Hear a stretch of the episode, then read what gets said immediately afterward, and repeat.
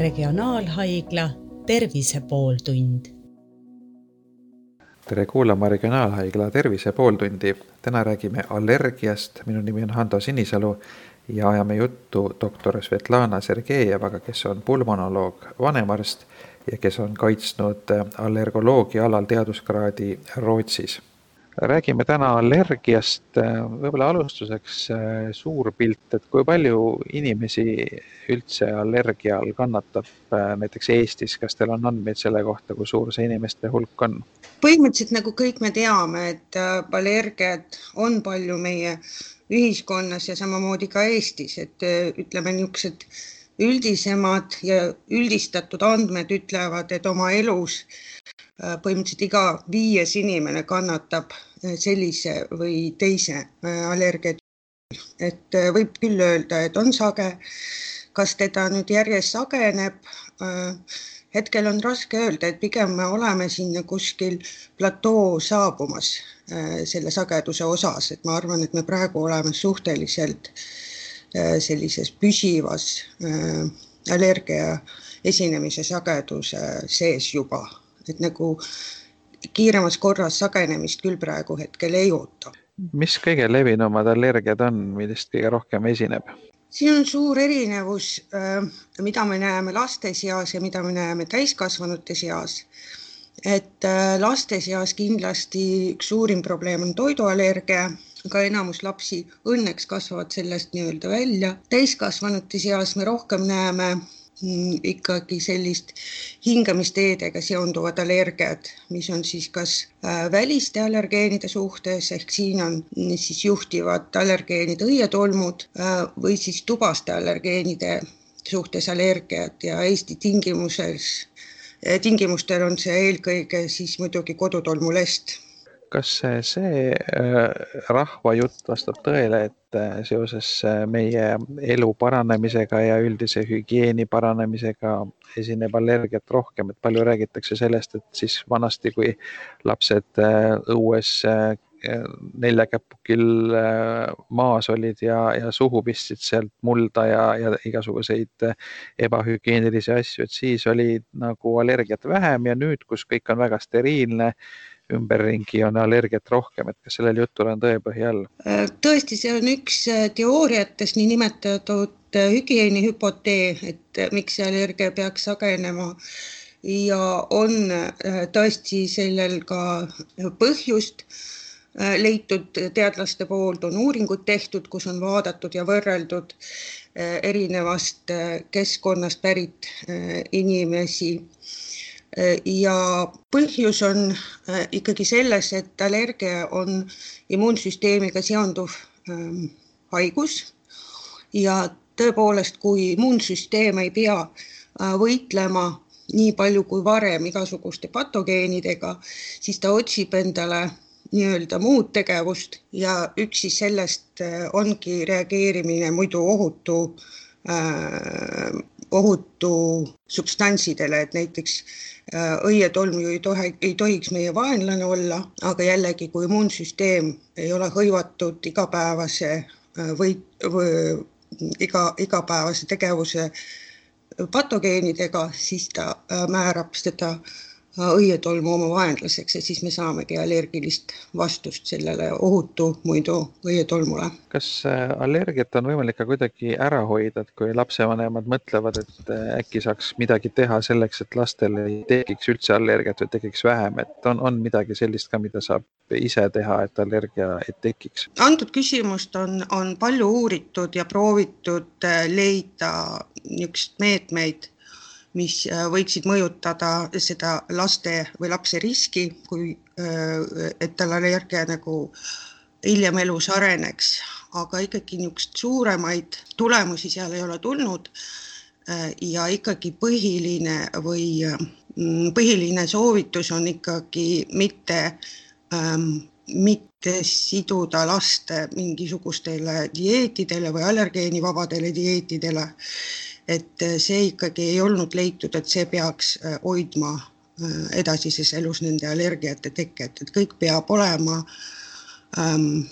mõistuse juures, et elame ikkagi omad elud, nii nagu äh, iga laps on seda väärinud. kas see tähendab siis seda, et lapsevanemad näiteks mõtlevad niimoodi, et ma ei anna lapsele näiteks pähkleid või mett või midagi muud sellist, mis võib allergiat esile kutsuda, et, et kui juba üldse võõrutada sellisest toiduainest, et siis, siis see tegelikult on halb, et tegelikult peaks ikka last, lastele andma kõiksugu erinevaid toiduaineid, sealhulgas neid, mis võivad tekitada suurt allergiat. lapse toidusedel peab olema selline, nagu pediaatrite poolt on ette nähtud, et igal toiduainel on oma aeg, äh, et seda lapse menüü sisse viia äh, ja seda peab ka jälgima, et kui me mõtleme pähklitest äh, ega tavapärastes tingimustes, me ütleme päris imikule või lapsele alla ühe aasta tavaliselt need pähklid ei pakugi.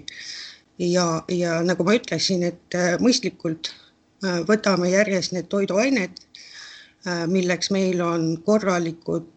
pediaatrite juhtnöörid ka olemas, et mis ajal, mis toiduaine võiks lapse menüüsse äh, tulla. nüüd, äh, kuidas allergiat ära tunda, et noh, väga palju on igasuguseid nahaärritusi, näiteks ka, ka võib-olla köha ja, ja muud sarnast, mis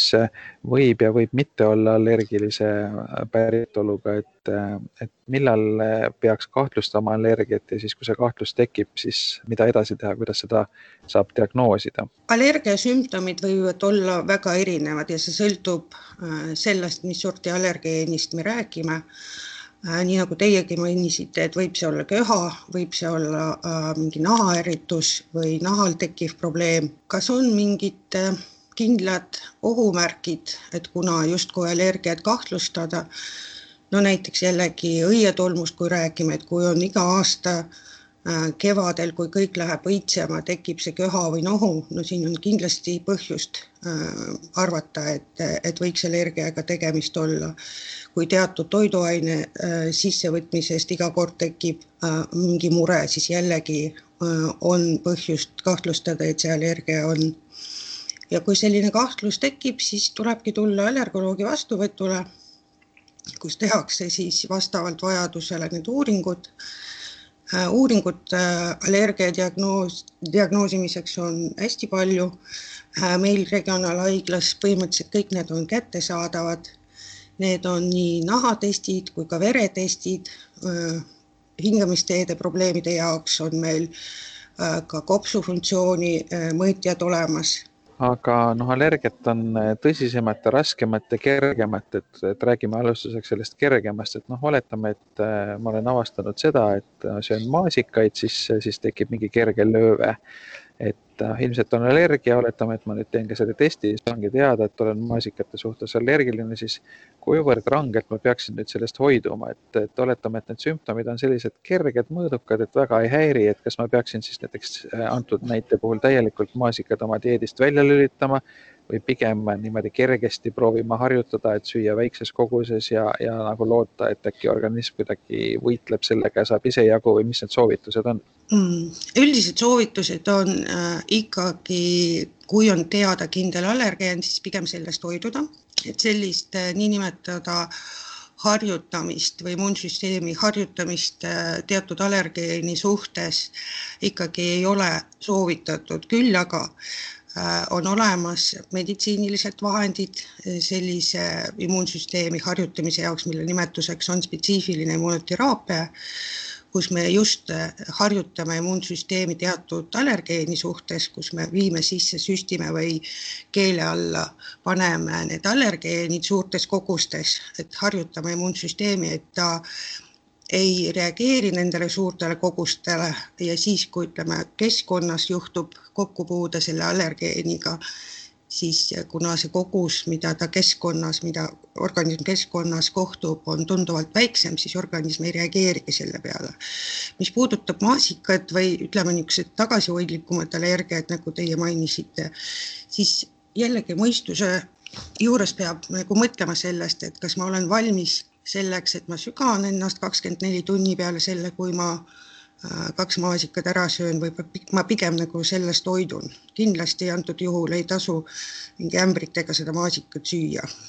Paljud lapsevanemad teavad seda, et lapsel on allergia ja siis, äh, kui ta saab täiskasvanuks, siis see allergia kaob ära, et kui sagedane see on ja, ja, ja kuivõrd äh, palju on selliseid allergiaid, mis täiskasvanueas ära kaovad? antud juhul kõige sagedasem allergia, mis kaob, millest lapsed kasvavad välja, on toiduallergiad, mis sagedasemad on justkui imikueas ja seal on teada mm, niinimetada paternid, et varakult tuleb piimaallergia, millest lapsed vaikselt kasvavad välja, hiljem tuleb näiteks munaallergia, millest lapsed, äh, tavaliselt enamus lapsi kasvavad välja. Ja on teatud isikud, kes kahjuks ei kasva nendest toiduallergiatest välja, aga õnneks neid on äh, vähesus. ja täiskasvanu allergiad tavaliselt, kui need on tulnud, siis kahjuks nad äh, tavapäraselt ikkagi jäävad koguks eluks inimesele kannatada. kui palju võib seda karta, et äh, täiskasvanu eas nagu elu jooksul allergiaid juurde tekib, et noh, ma ei tea, võtame näiteks kolmekümne või neljakümne aastase inimese, et tal täna ei ole allergiaid ja siis ühel hetkel näiteks tekib, ma ei tea, kas õietolmu või mõne toidu suhtes, et kuivõrd suur see tõenäosus on? tavapäraselt need äh, täiskasvanu allergiad ikkagi tekivad nendel inimestel, kes, kellel ka lapsepõlves oli äh, Äh, mingisugust allergilist äh, haigust. Äh, ja mida tasub kindlasti karta, no toon sellist näitet, et näiteks kui inimesel on teada kassi allergiat, siis inimene on tubli olnud äh,, ei ole kassi endale kodu võtnud äh,, aga üks hetk ta otsustab, et ta ikkagi tahaks kodulooma ja võtab näiteks endale koera nendel inimestel, kellel juba ühe allergeeni suhtes äh, allergiad on olemas, on suur risk ka arendada äh, teise looma vastu allergiat, et need inimesed on kindlasti ohustatud äh, ja ütleme, sama sorti allergeeni ka kokkupuudet ei ole mõtet suurendada iseendale, et pigem siis vältida need võimalikud sarnaste allergeenidega kokkupuuded, et seda me saame enda jaoks teha. no kui me räägime natuke ohtlikematest allergiatest, siis äh, ma olen jällegi meediast lugenud sellist näidet, et äh, näiteks inimene, kes on herilase mürgi suhtes äh,, ei ole olnud allergiline mõned korrad siis ühel hetkel, kui ta on saanud äh, mitu korda erilase käest nõelata, siis ühel hetkel võib äkki juhtuda see, et, et talle paista, et see allergia kuidagi tekib äkki, et kas, kui, kui suur see oht on? tõsisteks reaktsioonideks äh, oht on alati olemas äh, ja nii nagu teie mainisite, et need nõelamised ongi need, mille suhtes me oleme väga ettevaatlikult, et seda, et esimesed korrad äh, Äh, ei ole tugevat reaktsiooni olnud, ei tähenda, et järgmine kord äh, ei või tulla see eluohtlik situatsioon anafülaktilise šokiga. ja nõelemised on siin muidugi üks oluline allergeen. Äh, sinna juurde kuuluvad veel ka toidud ja ravimid, mis võivad, mis on sellised allergeenid, mis võivad justkui eluohtliku situatsiooni esile kutsuda kui me räägime näiteks jällegi nendest tubastest allergeenidest või õietolmudest, et seal me tavaliselt eluohtlikke situatsioone Eestis õnneks ei näe. Aga need ohtlikumad juhtumid, noh siin äh, võib olla toiduga seoses näiteks pähklitest või, äh, või mereandidest äh, need reaktsioonid, et, et mis siis sellises olukorras teha, et et noh, oletame, et inimene küll jälgib menüüd, aga, aga noh, arvestades seda, kui, kui palju erinevaid toiduaineid igal pool äh,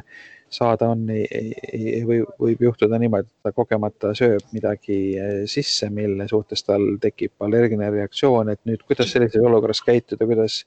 näiteks kaaskodanikud peaks reageerima, kui nad näevad, et näiteks kusagil, ma ei tea, vastuvõtul jõululauas inimene sööb midagi ja siis tal hakkab äkki halb, et eh, mida sellises olukorras teha? sellisel, õnneks Eestis meil nüüd on olemas Haigekassa poolt sponsoreeritud ravim selleks, see on adrenaliini autoinjektor, mida nii peretohtrid kui ka eritohtrid saavad õige soodustusega, sajaprotsendilise soodustusega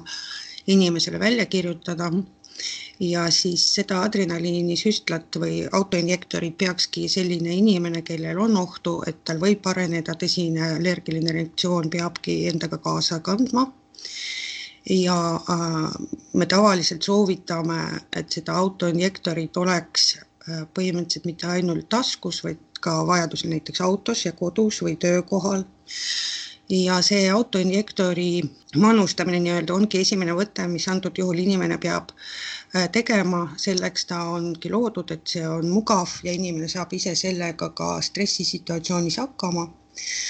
kui aga äh, sellest, äh, kui see on tehtud, siis ikkagi järgmine samm on, on kiirabi kutsuda. ja kui ähm, juhtub ootamatu, selline situatsioon, tavaliselt nad juhtuvadki ootamatu, et need inimesed, kes kõrval on, nendel muidugi kiireks reageerimiseks. esimene võte on panna inimest lamama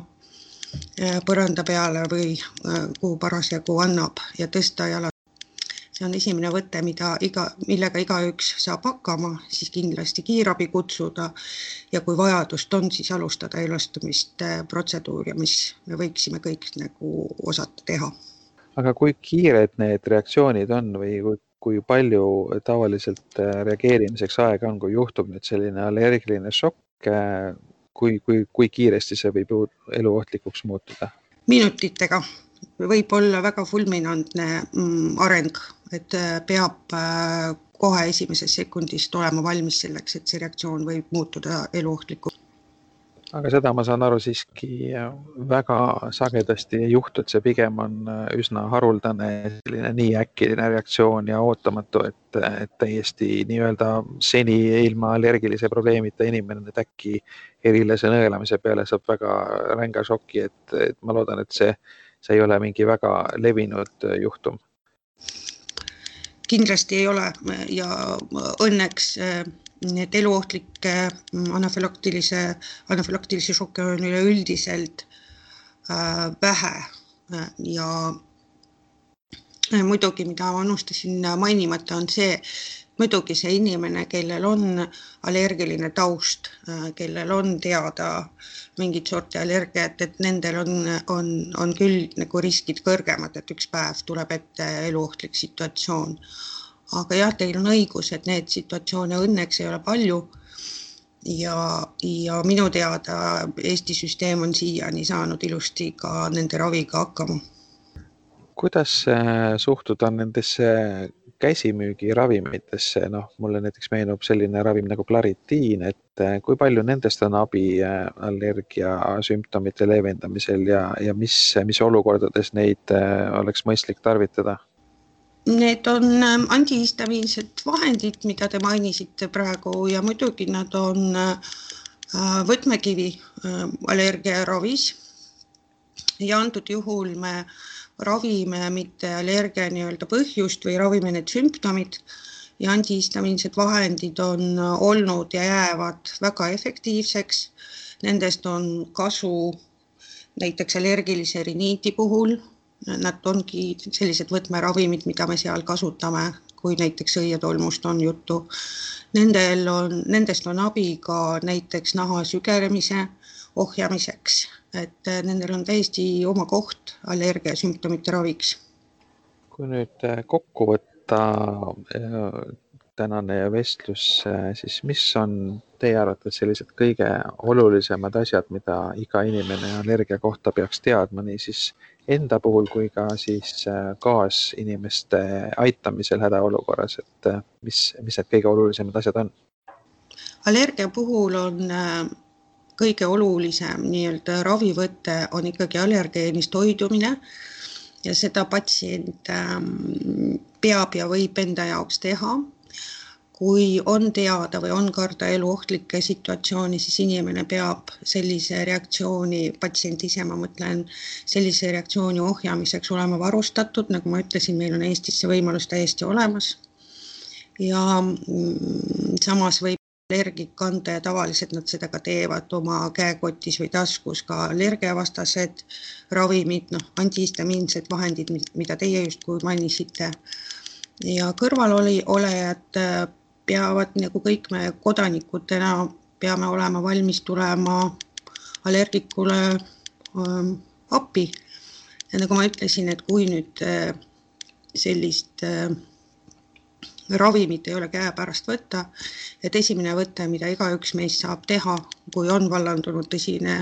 allergiline reaktsioon, et panna inimest lamama ja jalad ülespoole. see võte on päris palju elusid päästnud. Et Põhja-Eesti Regionaalhaigla on kõrgema astme haigla, mis tegeleb väga keeruliste ravijuhtumitega ka, kas allergia sümptomite puhul, allergiaprobleemide puhul on ka mõtet PERH-i pöörduda, ma mõtlen siis nii täiskasvanuid kui, kui ka lapsi? kindlasti tasub, meie teeme allergoloogilisi uuringu, uuringuid pulmonoloogia keskuse sees ja seal on meil kõik vajalikud võimalused olemas. ootame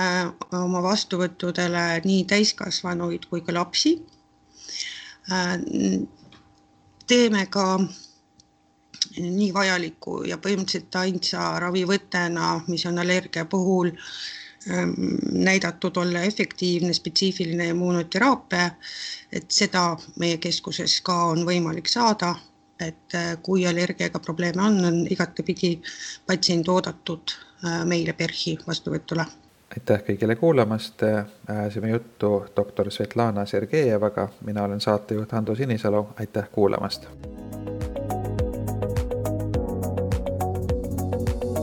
regionaalhaigla Tervise pooltund